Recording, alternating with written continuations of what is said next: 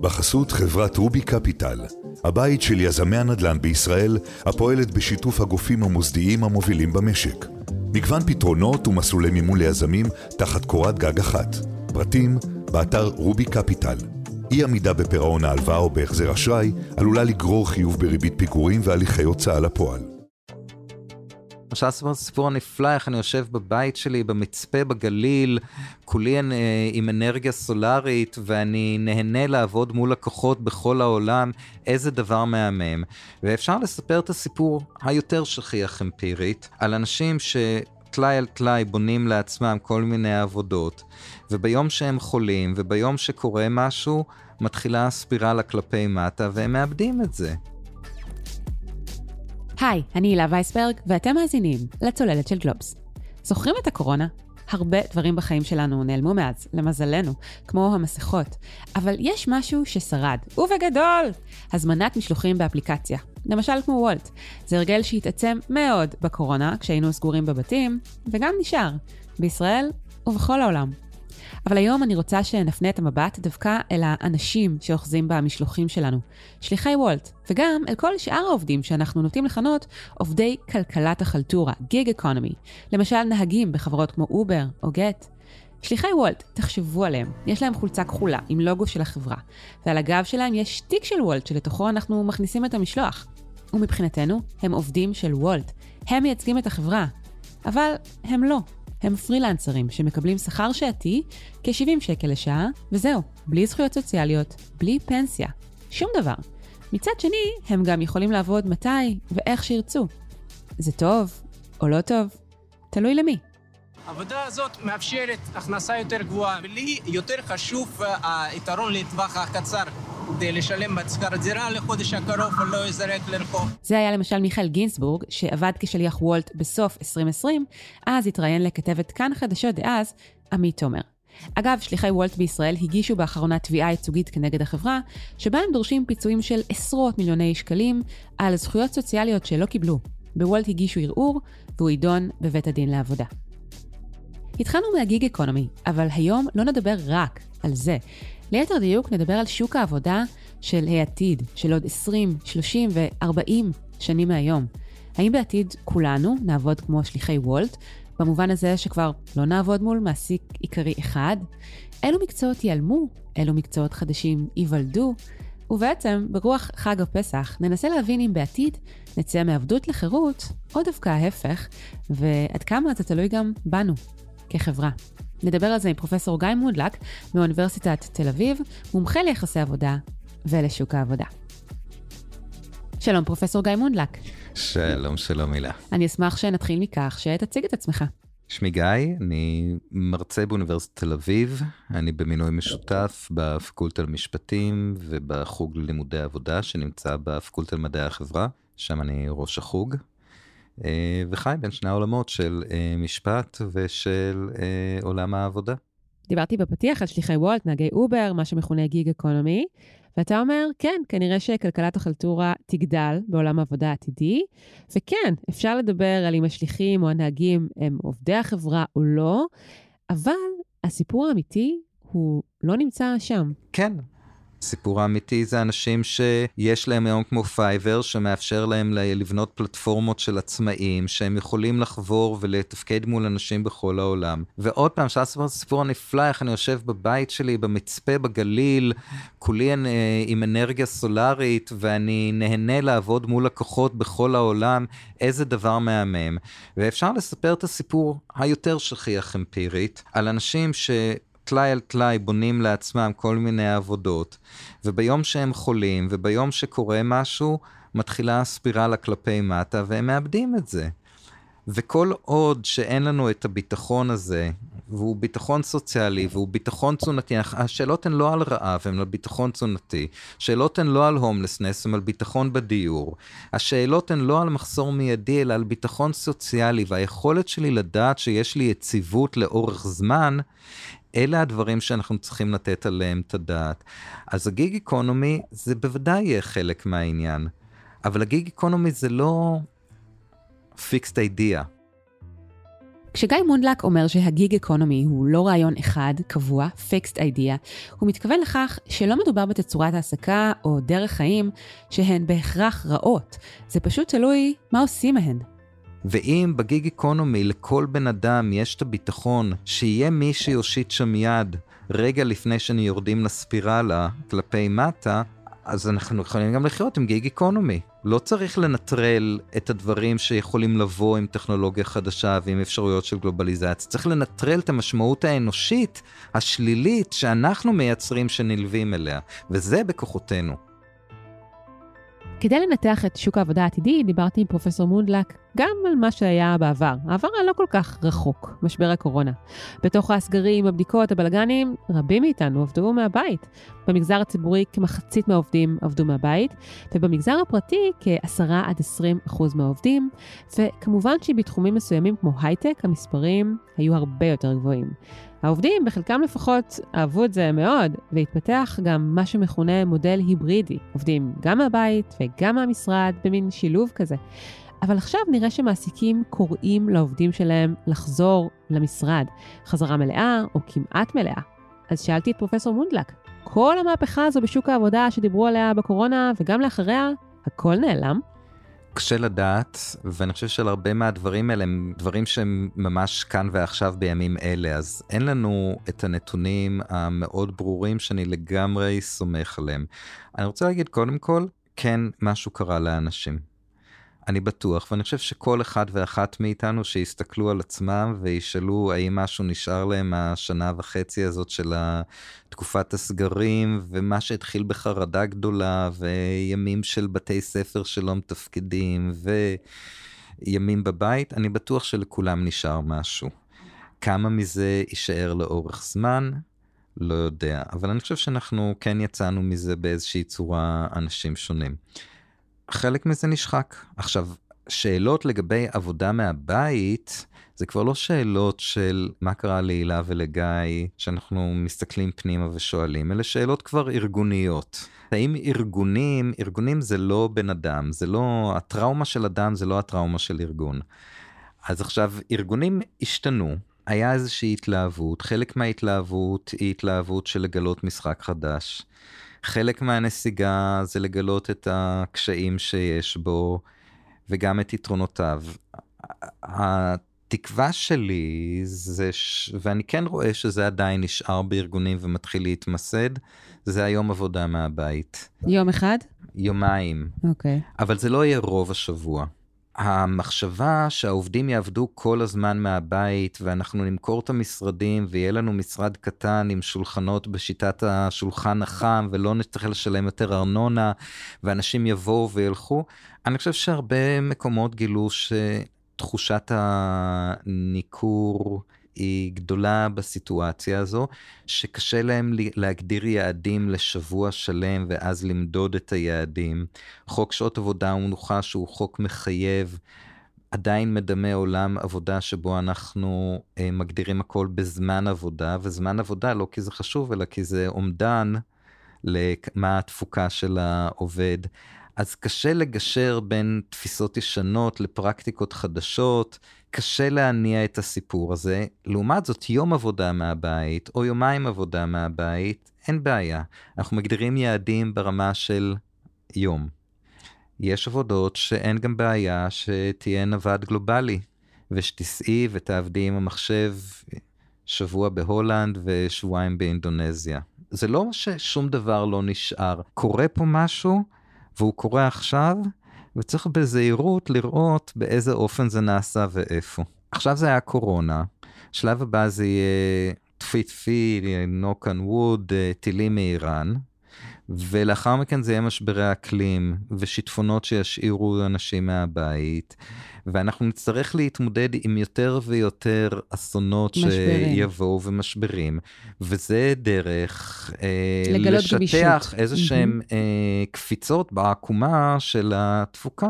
זה אבני משחק שכשדיברתי על עתיד עולם העבודה ב-2019 ועל uh, עבודה מהבית ועבודה מקוונת והכול, התייחסו לזה כטוב, זה עתידני, זה קצת מדע בדיוני, זה כאלה. ב-2021 ו-2023 על אחת כמה וכמה, זה ברור שזה חלק מאבני המשחק שאנחנו משחקים איתם היום, ובודקים איך עושים בהם שימוש. הם לא פתרון, הם לא תחליף, הם אבני משחק. הם הרחיבו את הרפרטואר הניהולי. והם הרחיבו גם את הרפרטואר של מה עובדים יכולים לבקש. אז גם הנה, זה עוד סיבה למה עובדים פתאום יכולים לבוא ולהגיד, אתם יודעים, אני רוצה לעבוד יום מהבית, אבל גם בלי לבוא ולספר את הסיפור שבבית אני מזיע ועובד כמו במשרד, אלא שכן, אם אתם חרדים שאני שם את הכביסה בבית, וואלה, אני כן שם את הכביסה בבית, ואני כן מתאם את השליחים ליום הזה שאני אהיה שם. בסדר, במשרד, אתה יודע, מעבירים מלא זמן בשיחות קפה. וגם במשרד העברנו okay. אוקיי. בשיחות קפה, והנה, פתאום ביום הזה הצלחתי לארגן את החיים שלי בצורה אחרת, ואני לא צריך להתחיל לדאוג לשליחים ביום שאני בעבודה, וכן, איכות החיים שלי השתפרה, שיש יום אחד שאני יכול גם לעמוד מול החלון בבית שלי, ולשתות את הקפה רגע בשקט עם עצמי. טוב, אז כאמור, התכנסנו לדבר על אה, עולם העבודה העתידי, ובמאמר שכתבת, אתה מציין שב-2030 זה ממש לא עוד הרבה זמן, בסך הכל עוד שבע שנים, אז אנחנו נראה משרות שייעלמו. למעשה המנעד שאתה מציג הוא בין 5% עד 60% מהמשרות. על מה אנחנו מדברים? המנעד הזה של התחזיות בין 5% ל-60% אומר בעצם דבר אחד מאוד פשוט. אין לנו צל של מושג. כאילו, זה לא שיש דוחות בינלאומיים שמדברים על חמישה אחוז, ויש דוחות בינלאומיים שמדברים על שישים אחוז. בכולם יש התייחסות למטה-אנליסיס של מאמרים אקדמיים שנכתבו, שחוזים שהתחזיות נעות בין 5 ל-60 אחוז. אז אני אוסיף עוד סטטיסטיקות מהמאמר ומהמצגת uh, שהזכרנו קודם. למשל, בארצות הברית כמחצית מהמשרות בסכנה, ביפן 55 אחוזים, בקפריסין 61 אחוזים, באוקראינה 40 אחוזים, בבוליביה 41 אחוזים, כך שיש גם איזשהו שוני okay, אוקיי, בין מדינות שונות. את הולכת פה קודם כל על המדדים הגבוהים. Mm-hmm. יש מחלוקת מאוד משמעותית כמה מזה ילך באמת לאיבוד, והאם זה המספרים כל כך גבוהים. אחד המחקרים הכי מצוצתים זה זה שבאמת מדבר על ה-60 אחוז, והוא מספר את הרף העליון, ויש הרבה מחלוקות עליו. מצד שני, המחקרים האלה של כמה עבודות ילכו לאיבוד, לא מצליחות להשלים גם את החסר, וזה כמה עבודות ייווצרו. אז יש עיסוקים שילכו לאיבוד, יש עיסוקים שכבר ראינו שהלכו לאיבוד, אין לנו כבר כמעט שומרים במגרשי חנייה. הנושא של מנהלי קופות, או מה שנקרא קופאים וקופאיות, הולך וייעלם, ובגדול עבודות שגרתיות אמורות ללכת לאיבוד. זאת אומרת עבודות שאפשר להחליף באוטומציה. אנחנו מדברים בגדול באוטומציה. ככותרת על אוטומציה שתחליף את העובדים. כן. עכשיו, זה לאו דווקא עבודות של רמת אה, שכר נמוכה וסטטוס נמוך.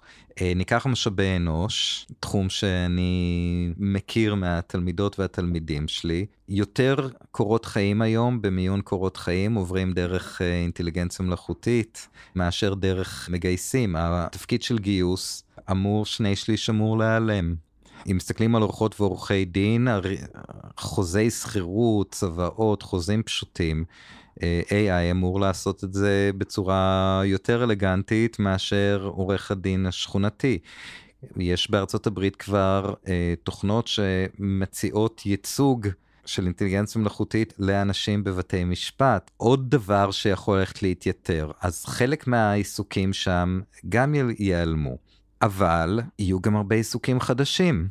אז אנחנו רואים שכשמסתכלים על התחזיות לעיסוקים שיהיו בצמיחה, אז יש עיסוקים שאנחנו כבר רואים, למשל טאלנט, זה דבר ש... אף פעם לא חשבנו שהוא יהיה עיסוק, היום הוא כן עיסוק. למה אתה וזה... מתכוון כשאתה אומר טאלנט? טאלנט זה אנשים שיש להם אה, הרבה עוקבים במדיה החברתית, שבעצם יוצרים איזשהו networking, הרבה פעמים משתלב בתוך השיווק. מובילי ה- דעת. מובילי דעת. Mm-hmm. אז אה, זה משהו שנכנס, והיום זה משהו שמחפשים אנשים שיעבדו בעבודה הזו. עכשיו, מסתכלים על רשימות של עיסוקים חדשים. יהיה מתאם או מתאמת עבודה מרחוק. אז אם קודם דיברנו מה יישאר מעבודה מרחוק, בטוח שמשהו יישאר. זה אנשים שיהיו אחראים גם על הצד המשפטי, גם על הצד הלוגיסטי, גם על הצד ה... של לחבר את אלה שעובדים מרחוק. אה, יהיו מטעמי XR של אה, כל, כל מתכונת של virtual reality. זאת אומרת, אם היום אנחנו חושבים שזום זה כבר משהו שהוא בשגרה, ועוד פעם צריך לזכור, בפברואר 2020 זה נחשב פורץ דרך. במרץ 2020 כל סבתא דיברה עם הנכדים שלה בזום. עוד שנתיים שלוש אנחנו נסתכל על הזום כמו שאנחנו מסתכלים על קסטות שתקענו במכונית, כאילו אנחנו נעבור לתלת מימד. אז יהיו מטעמי virtual reality. שיעזרו לבנות את המטה אופיס, שאנשים יוכלו להסתובב ולגעת במוצרים ולסובב אותם ולשבת בקבוצות. יש לנו אחראים על נושאים של פרטיות בעבודה, שזה דבר שהוא כבר בצמיחה. אנשים שיעבדו עם big data. עכשיו, זה לא אומר שכל מי שהיה קופאי או קופאית בסופר ילכו עכשיו להיות אה, אנליסטים של big data בשביל ארגונים. אנחנו צריכים הרבה יותר רופאים ורופאות, אנחנו צריכים הרבה יותר צוות פארה-רפואי, אין היום מספיק צוות פארה-רפואי בארץ, מרפאות בעיסוק, פיזיותרפיסטיות, קלינאיות תקשורת, אנחנו צריכים עובדים סוציאליים. בהכנה לקראת השיחה שלנו כן. כתבתי שאולי המקצועות האחרונים שישרדו יהיו הפסיכולוגים. כי נרא, לא צריכים... נראה לי שנוכל ממש להחליף אז, אותם. אז קודם כל אני בטוח שיהיה קונפיגורציות של AI יוכלו אולי להחליף חלק. אבל אנחנו רוצים שמישהו ידאג להורים שלנו, ואחר כך גם לנו. אז נכון שאפשר בעידן של גלובליזציה לשלוח את ההורים שלנו מעבר לגבול לירדן, כי שם עלות העבודה תהיה הרבה יותר זולה ולהקים דיור מוגן בירדן. נשמע פנטזיה, אבל הקימו כבר דיור, דיור מוגן במקסיקו בשביל העשירים מארצות הברית, שלא יצטרכו לשלם הרבה, כי זה מעבר לגבול וזה הרבה יותר זול. אנחנו כבר מייבאים עובדים זרים לכאן שיטפלו בהורים שלנו. אז זה באמת חלק מהתחלופה. אה, אז עכשיו המציאו כזה רובוט יפני חמוד שמרגיע את ההורים וזה. אני עדיין נורא מקווה שבשביל ההורים שלנו וגם בשבילנו יהיה מישהו שגם ידע לחבק אותנו ולא רק אה, להיות רובוט חמוד שמשמח אותנו. אנחנו צריכים עוד אנשים לתרבות הפנאי שלנו. צריכים עוד אנשים לטפל במשבר האקלים שלנו. אנחנו צריכים עוד אנשים שיהיו פעילים בקהילה שלנו, לבנות מחדש קהילה שהולכת ומתפוררת. ולכן מה שאנחנו נצטרך בעתיד זה לא עוד מלא מגייסות ומגייסים במשאבי אנוש או עורכות ועורכי דין שעושים חוזים, אלא אנחנו צריכים אנשים עם כישורים בין אישיים, עם יכולת לגשר בסיטואציות. אמפתיה. אמפתיה. אה, חשבה מחוץ לקופסה דווקא את מה שהאינטליגנציה המלאכותית עושה על בסיס למידה ממה שהיה, אז להבין מה האינטליגנציה המלאכותית עושה, ולחשוב איך אני יכול להפתיע ולבוא מכיוון אחר, בין אם זה מרמה אסטרטגית, שלכולם יש את אותה אינטליגנציה מלאכותית, אז איך אני יכול דווקא לבוא מזווית אחרת, או דווקא מהכיוון של אה, לזהות מה המגבלות הקיימות, ואיך אני יכול להיות מקורי ויצירתי. אנחנו רוצים אנשים שמדברים בכמה שפות, אנחנו רוצים אנשים עם אוריינות דיגיטלית, ואני חושב שהיום כל מי שלומד במדעי הרוח ומדעי החברה ומשפטים צריך לקבל basics שיבין מה זה אלגוריתם, ולא לדבר סתם על אלגוריתמים, אלא שיבין איך נראה קוד. בתוכנה לא צריך לתכנת. אבל מה, מה זו החשיבה הזאת? זה גם ללמוד שפה. אנחנו צריכים לחשוב בצורה אנליטית חדשה, אנחנו צריכים לעשות חיבורים כשהמידע בפנינו, אנחנו צריכים לדעת להתגבר ולהתמודד עם המון מידע. אז זה פתח להמון תפקידים חדשים, חלקם מרגשים ומרתקים, וחלקם לצערי ימשיכו להיות ככל הנראה בשכר נמוך ובסטטוס נמוך, מה שגם אומר שחלק מהתחזית לעתיד היא תחזית של אי שוויון הולך וגדל, בין אלה שהם יהיו הפריבילגים של השוק ובין אלה שהם לא. המודל שנראה בעתיד לפי פרופסור מונדלק הוא מה שמכונה אפקט שעון החול. מעט מהעובדים ירכשו מיומנויות גבוהות וחדשות והשכר שלהם יעלה, אבל רוב העובדים הם דווקא יידחקו מטה בשעון החול, אחרי שהעבודות שלהם יתייתרו או יישארו די פשוטות.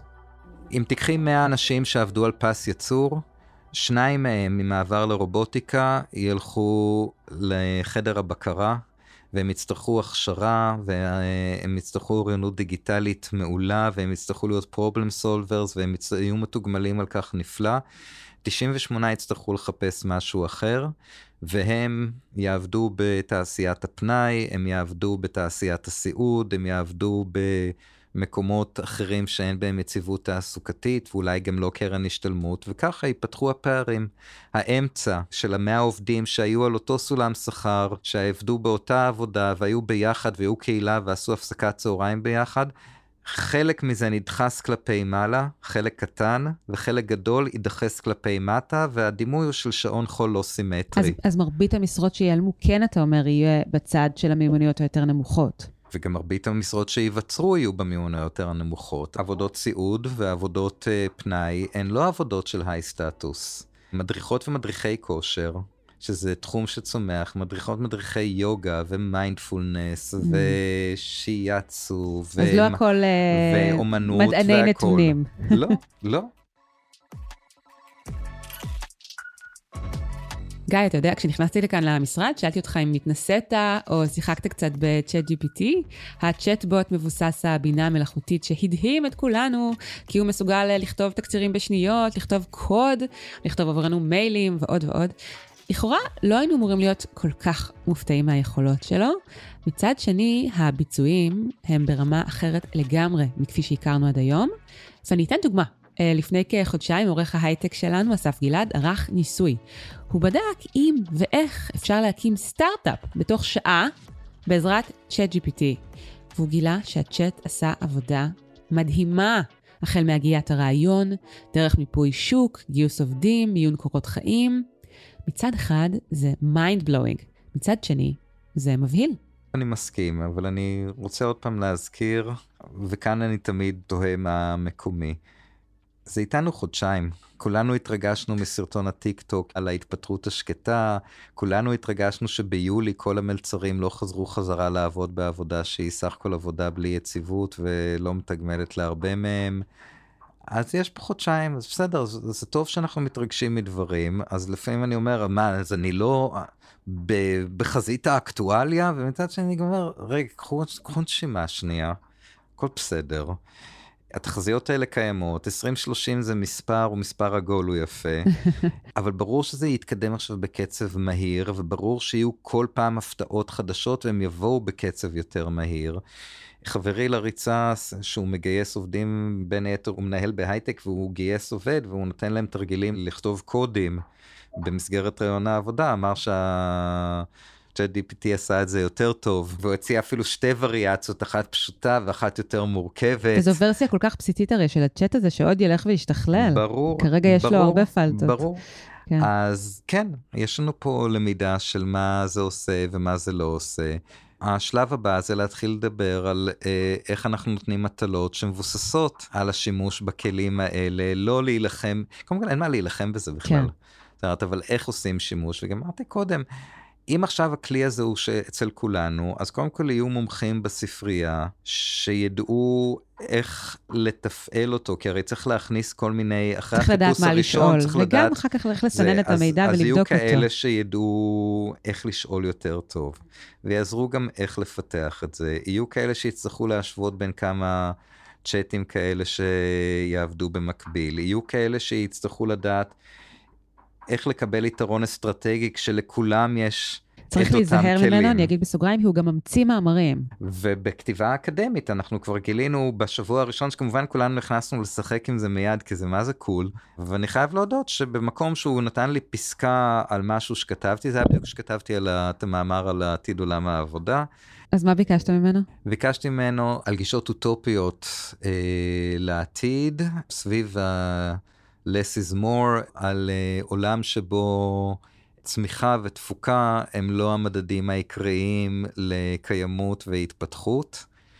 והוא נתן לי פסקה מאוד יפה, שדי סיכמה יפה את מה שקראתי, אבל מה לעשות, מה שקראתי היה הרבה יותר מקיף. זה לא משהו שיכולתי להיעזר בו, זה משהו שיכולתי להעריך אותו אחרי שלמדתי את החומר. אם תשאל אותו, יכול להיות שאם תשאל אותו, כפי שאני שאלתי אותו, what gender will the first female president of the United States be, תגלה שלארצות הברית כבר יש נשיאה וקוראים לה קמלה האריס, כמו התשובה שהוא נתן לי. הבנתי. אבל כמו שאת אומרת, זה ילך וישתפר, ויש דברים שזה עושה טוב. ויש שאומרים שזה יחליף את מנועי החיפוש של גוגל, ויש שאומרים שזה ייצור ממשק חדש בין מנועי חיפוש שנותנים לי יותר שליטה לבין הצ'אטים שמעניקים לי תוצר מוגמר. זה עדיין לא מאמת לי את הסיפור של אה, עולם עבודה עתידי שאין בו עבודה. זה מספר לי סיפור של עולם עבודה עתידי שהוא יהיה מאוד מאוד שונה. עדיין ערכים בסיסיים יטרידו אותנו בעתיד כמו שהם יטרידו אותנו עכשיו. ערכים של אוטונומיה של העובד, ערכים של צרכים של האדם, ערכים של צמיחה, כן, ערכים של שוויון, ערכים של האם אנחנו יכולים להחזיק קהילה ביחד. למשל, אם את שאלת מה למדנו בתקופת הקורונה, בתקופת הקורונה למדנו איך נראית קהילה, ש-25% מהאנשים שרוצים לעבוד נמצאים מחוץ לשוק העבודה. עכשיו, אם זה יהיה הנורמלי החדש של העתיד, אז אנחנו צריכים לחשוב כקהילה מה אנחנו עושים עם הדבר הזה. הרמת לי להנחתה, לא יכול להיות יותר מושלם מזה. רציתי לשאול אותך לגבי הקונספט, שמדובר גם כן לעיתים קרובות, וגם אתה ציינת במאמר שלך, של עולם ללא עבודה. אה, למעשה, המגיש שלצידי בפודקאסט, אורי פסובסקי, פרשן גלובס, ראיין לפני כמה חודשים את פרופסור דניאל סוסקין, שעוסק בנושאים האלה, והוא אמר, אכן, אנחנו אה, צועדים אה, לקראת עולם ללא עבודה. איזה מין עולם זה ולמה? והאם הוא יקרה? אני לא משוכנע, כמו סוסקין, שאנחנו צועדים לעולם ללא עבודה. אני משוכנע שכן יהיה פחות, ברמה מסוימת פחות עבודה. אני לא יודע כמה, ואני חושב שזה יהיה שינויים בעיסוקים ושינויים בענפים, ושכמו שאמרנו, יהיו עיסוקים וענפים שלא יוחלפו, ויהיו עיסוקים וענפים שיגדלו, ויהיו כאלה שייעלמו. אבל למה מדברים על עולם ללא עבודה? בעצם. כי מאוד נוח לחשוב שבאמת האינטליגנציה המלאכותית תחליף את כולנו, ורובוטיקה תחליף את הצד הפיזי, ואז לא צריך יותר. עכשיו, בעולם הזה עדיין תהיה עבודת בית, שאנחנו שוכחים שהיא עבודה, ותהיה עבודה בקהילה, כי אם אנחנו נהיה בלי קהילה, אז באותם ערכים בסיסיים אנחנו נהיה נורא תלושים ונורא מתוסכלים, ואנחנו רוצים את הקהילה מסביבנו. ואם העולם ללא עבודה זה הוא עולם דיסטופי שבו אנשים מסתובבים כמו באיזה סרט מדע בדיוני בתוך איי חרבות לבדם, זה לא מה שאנחנו רוצים. אז אולי אנחנו צריכים להתחיל לתגמל ולהעריך עיסוקים אחרים. ואולי, כפי שסוסקינד אומר, אנחנו נלך לקראת עולם שבאמת נתחים משמעותיים בתוכו לא יעבוד, וכן צריך לחשוב על אלטרנטיבות, כמו הכנסה בסיסית אוניברסלית. זה חלק מהרעיונות שבהם אנחנו אומרים, אם נניח 20 אחוז, לפי דעתי לא נגיע שם, ו-20 אחוז מהמשתתפים בשוק העבודה, כלומר אנשים שרוצים לעבוד ואין להם עבודה, אז אנחנו צריכים קודם כל להודות שזה לא באשמתם, אלא שזה פשוט כל מה שהשוק יש לו להציע. ואז אנחנו צריכים להשתתף בטובין שלנו ולחלק אותם בין כולם מחדש. וזה שוב חוזר לשאלות של אי שוויון בעולם העבודה העתידי, והאם החלוקה הזאת צריכה להיות בין העובדים ללא עובדים, או בין העסקים וההון לעובדים והלא עובדים. זה מאוד פשוט לבוא ולהגיד, אז מי שיעבוד יתחלק עם מי שלא עובד, כי אחד קיבל פריבילגיה והשנייה לא קיבלה, אבל אולי צריך גם לשקול מי מתעשר בסיפור, ואנחנו יודעים שההתעשרות היא התעשרות שהולכת לבעלי ההון החזקים יותר. אז זה גם מקור לחלוקה מחדש, ואנחנו רוצים לחשוב על כלים. הכנסה בסיסית לכל זה מודל אחד, הוא מודל... שאוהבים אותו גם בימין וגם בשמאל. שאין הרבה מודלים כאלה, ואולי רק נסביר למי שלא יודע מה זו הכנסה בסיסית אוניברסלית, UBI, איזושהי קצבה, איזשהו סכום שכל האנשים יקבלו, או אולי רק אלה שלא יעבדו, ויוכל לאפשר להם איזשהו קיום שוטף בחייהם. נכון. מבלי לעבוד. עכשיו, יש הרבה וריאציות של זה, וכשכולם כן. אוהבים משהו, אז אני תמיד אומר, בואו נסתכל על הפרטים, כי לא ייתכן שכולם אוהבים את אותו דבר. האם אנחנו מבטיחים לכל אדם 6,000 אה, שקלים בחודש, ואחר כך אתה רוצה, תעבוד, לא רוצה, אל תעבוד, זה בסדר? או שאנחנו מציעים לכל בן אדם, כמו שהיה בתקופת הקורונה, 750 שקלים, מתנה לחג, שזה לא משמעותי לשום דבר. בוודאי. האם זה באמת ניתן לכולם או שזה ניתן רק לחלק? האם זה מותנה בתנאים או לא מותנה בתנאים? כעיקרון זה לא אמור להיות מותנה בתנאים. מה המקורות הכספיים של זה? אה, באלסקה מחלקים את כל הרווחים של הנפט לכולם. בישראל אפשר היה לחלק את כל הרווחים של הגז כדיבידנדים לכולם. אז זה לא נעשה. אז עוד פעם, זה חוזר לשאלות חלוקתיות קשות. מאוד. טענה אחרת מתחברת לסיפור גם של ההשכלה, שאומרת, אחת מהווריאציות, אם אני נותן לכולם basic income, אז אנחנו מבטלים גם את הביטוח הלאומי. כי אין צורך יותר בקצבאות, כולם קיבלו. כל אחד ישתמש בזה למה שהוא ישתמש, וזה עוד פעם איזושהי תפיסה שהולכת לאינדיבידואליזציה מאוד גדולה, וכל אחד אחראי לגורלו הכלכלי. ואל תתלוננו, קיבלתם basic income, אתם חולים, אתם נכים, תתמודדו. תתמודדו. כן. וזה קצת אומר שכולנו הופכים להיות מוצרים, והכל מתומחר כלכלית, כולנו שווים את הסכום הזה.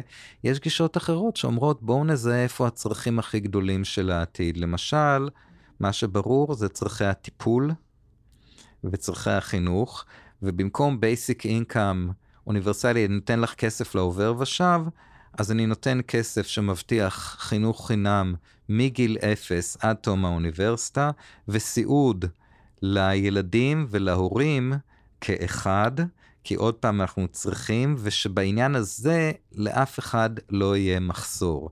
אז בואו נתמקד בצרכים אמיתיים שקשורים ליכולת של ההתפתחות, ולא סתם לתת כסף.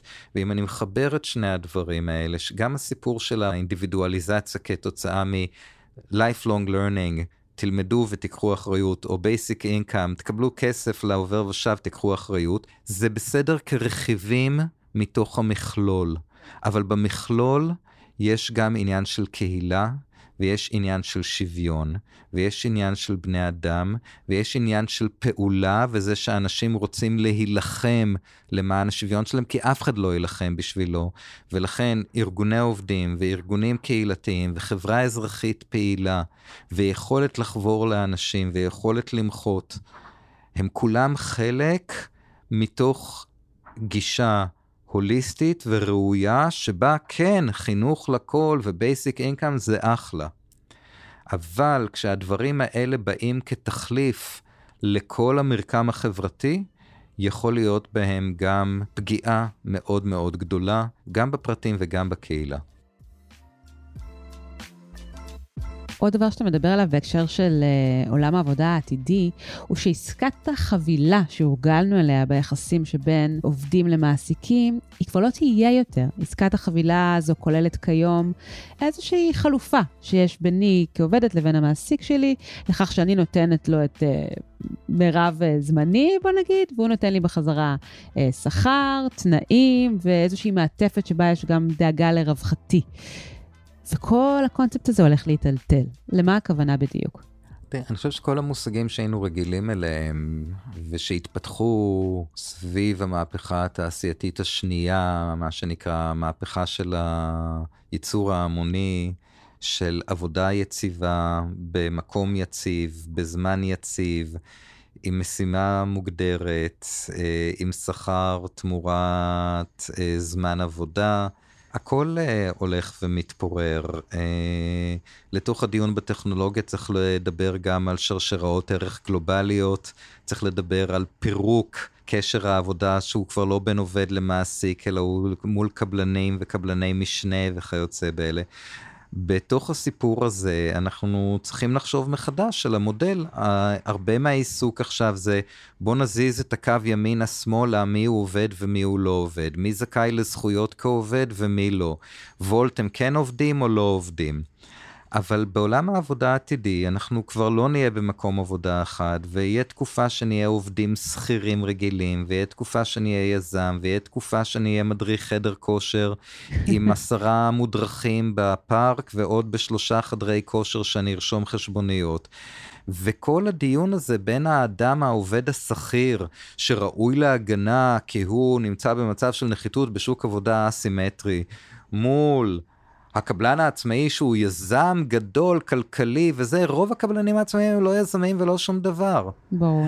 אז אנשים שמייצרים עבודה, כולל עבודה שאמרתי התנדבות קהילתית, וכולל עבודה שהיא עבודה במשק הבית בבית שלי, אנשים שעושים עבודה, צריך לבנות להם קופה שתבטיח שיהיה להם חופשה שנתית ושיהיה להם ימי מחלה, וראינו את זה בקורונה.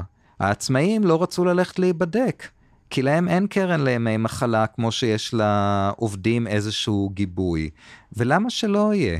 למה קבלנים עצמאיים, שאנחנו חושבים על כל מיני סטארט-אפיסטים או משהו כזה, אבל רובם הם אנשים שהם עסק עצמאי, עוסקים קטנים, למה שלהם לא תהיה הבטחה של חופשה שנתית? כי הם יכולים לתכנן את התקציב שלהם בהתאם. כאילו, עובדים בהייטק בשכר גבוה, אנחנו צריכים להתערב ולהגיד להם איך לתכנן, ושהם חייבים לקחת ימי חופשה שנתית כל שנה, ואי אפשר להעביר את הכל משנה לשנה, והם צריכים להיות בבית כשהם חולים, והם צריכים שיהיה להם כריות ביטחון ושל ביטחון סוציאלי, אבל הקבלן העצמאי, כל מרפאה בעיסוק, או קלינאית תקשורת שעובדת בביתה, היא לא, היא יודעת לתכנן, היא לא צריך להתערב בשיקולים שלה. אז צעד אחד חשוב כבר עשינו בזה שיש חובת פנסיה לשכירים, שהתרחבה לחובת פנסיה לעצמאים. מעולה. צעד אחד עשינו בזה שאנחנו דואגים לחיסכון לכל ילד, שזה דבר נפלא. שאנחנו נותנים איזושהי התחלה לכולם. אבל צריך להתחיל בחשיבה אוניברסלית שמדברת על כל האנשים שיעשו כל מיני עבודות בכל מיני קונפיגורציות, וכולם צריכים איזושהי איכות חיים שבאה לידי ביטוי ב... יכולת ללמוד דברים חדשים, יכולת להמציא את עצמי מחדש, היכולת לקחת שבתון, ולא, אני לא אומר שכל אחד יוכל לקחת שבתון בשכר מלא, אבל היכולת לקחת פאוזה, לקחת נשימה, להתמודד עם משימות הסיעוד המיידיות, להתמודד עם הצורך לה, להמציא את עצמי מחדש כי פיטרו אותי אחרי 20 שנים בעבודה, לחשוב בצורה יצירתית, זה טוב לאדם, זה טוב לכלכלה, זה טוב לבניית קהילה, זה מסוג הדברים שאנחנו רוצים לחשוב עליהם, ולהפסיק להתעסק בשאלה של מי הוא עובד ומי הוא המעסיק המדויק של אותו עובד, וסביב זה לבנות איזושהי קופת חיסכון שהיא ייחודית לאנשים, שהקבוצה הזאת, אני מסכים, תלך ותקטן. העתיד ללא עבודה הוא עתיד של פחות עבודה במתכונת הקלאסית. הוא עתיד של הרבה יותר גיוון, הרבה יותר וריאציות, ואם נשלים את השיחה, עם הרבה וולטיליות. בעתיד הזה אנחנו רוצים לחשוב על בניית כרית ביטחון סוציאלי לכולם, מה שמצריך את המדינה, מה שמצריך את ארגוני העובדים, מה שמצריך את החברה האזרחית, מה שמצריך חברה בריאה ומתפקדת. זה לא יכול להיות רק עניין כספי. פרופסור גיא מונדלק, תודה רבה, זה היה מרתק. תודה על האכילה. תודה. בחסות חברת רובי קפיטל, המתמחה במימון והשקעות נדל"ן בישראל. למידע נוסף חפשו בגוגל רובי קפיטל. עד כאן עוד פרק של הצוללת. אתם יכולים למצוא אותנו באתר גלובס, בספוטיפיי או בכל אפליקציית פודקאסטים. נשמח אם תעשו לנו subscribe, ואם אהבתם, תשלחו את הפרק לחברה או חבר שאתם אוהבים. ואם אתם אוהבים את התכנים של גלובס, אפשר גם לעשות מנוי. כל האפשרויות נמצאות באתר שלנו. עורך הסאונד הוא ניר לייסט, בצוות הצוללת חבר גם אורי פסובסקי. העדות של עובד וולט ששמעתם בפתיח ניתנה לנו באדיבות כאן 11. אפשר לדבר איתנו בפייסבוק, אינסטגרם, בטוויטר, אפילו בלינקדאין. חפשו את השמות שלנו ושילחו לנו הודעה, ואפשר גם לכתוב לי בכתובת המייל שלי. הילה, h-i-l-a, מקף אמצעי w, at globes, g-l-o-b-e-s, נקודה co.il. תודה לכולכם שהאזנתם. אני הילה וייסברג, נתראה בפעם הבאה, ושיהיה חג שמח לכולכם. ביי ביי.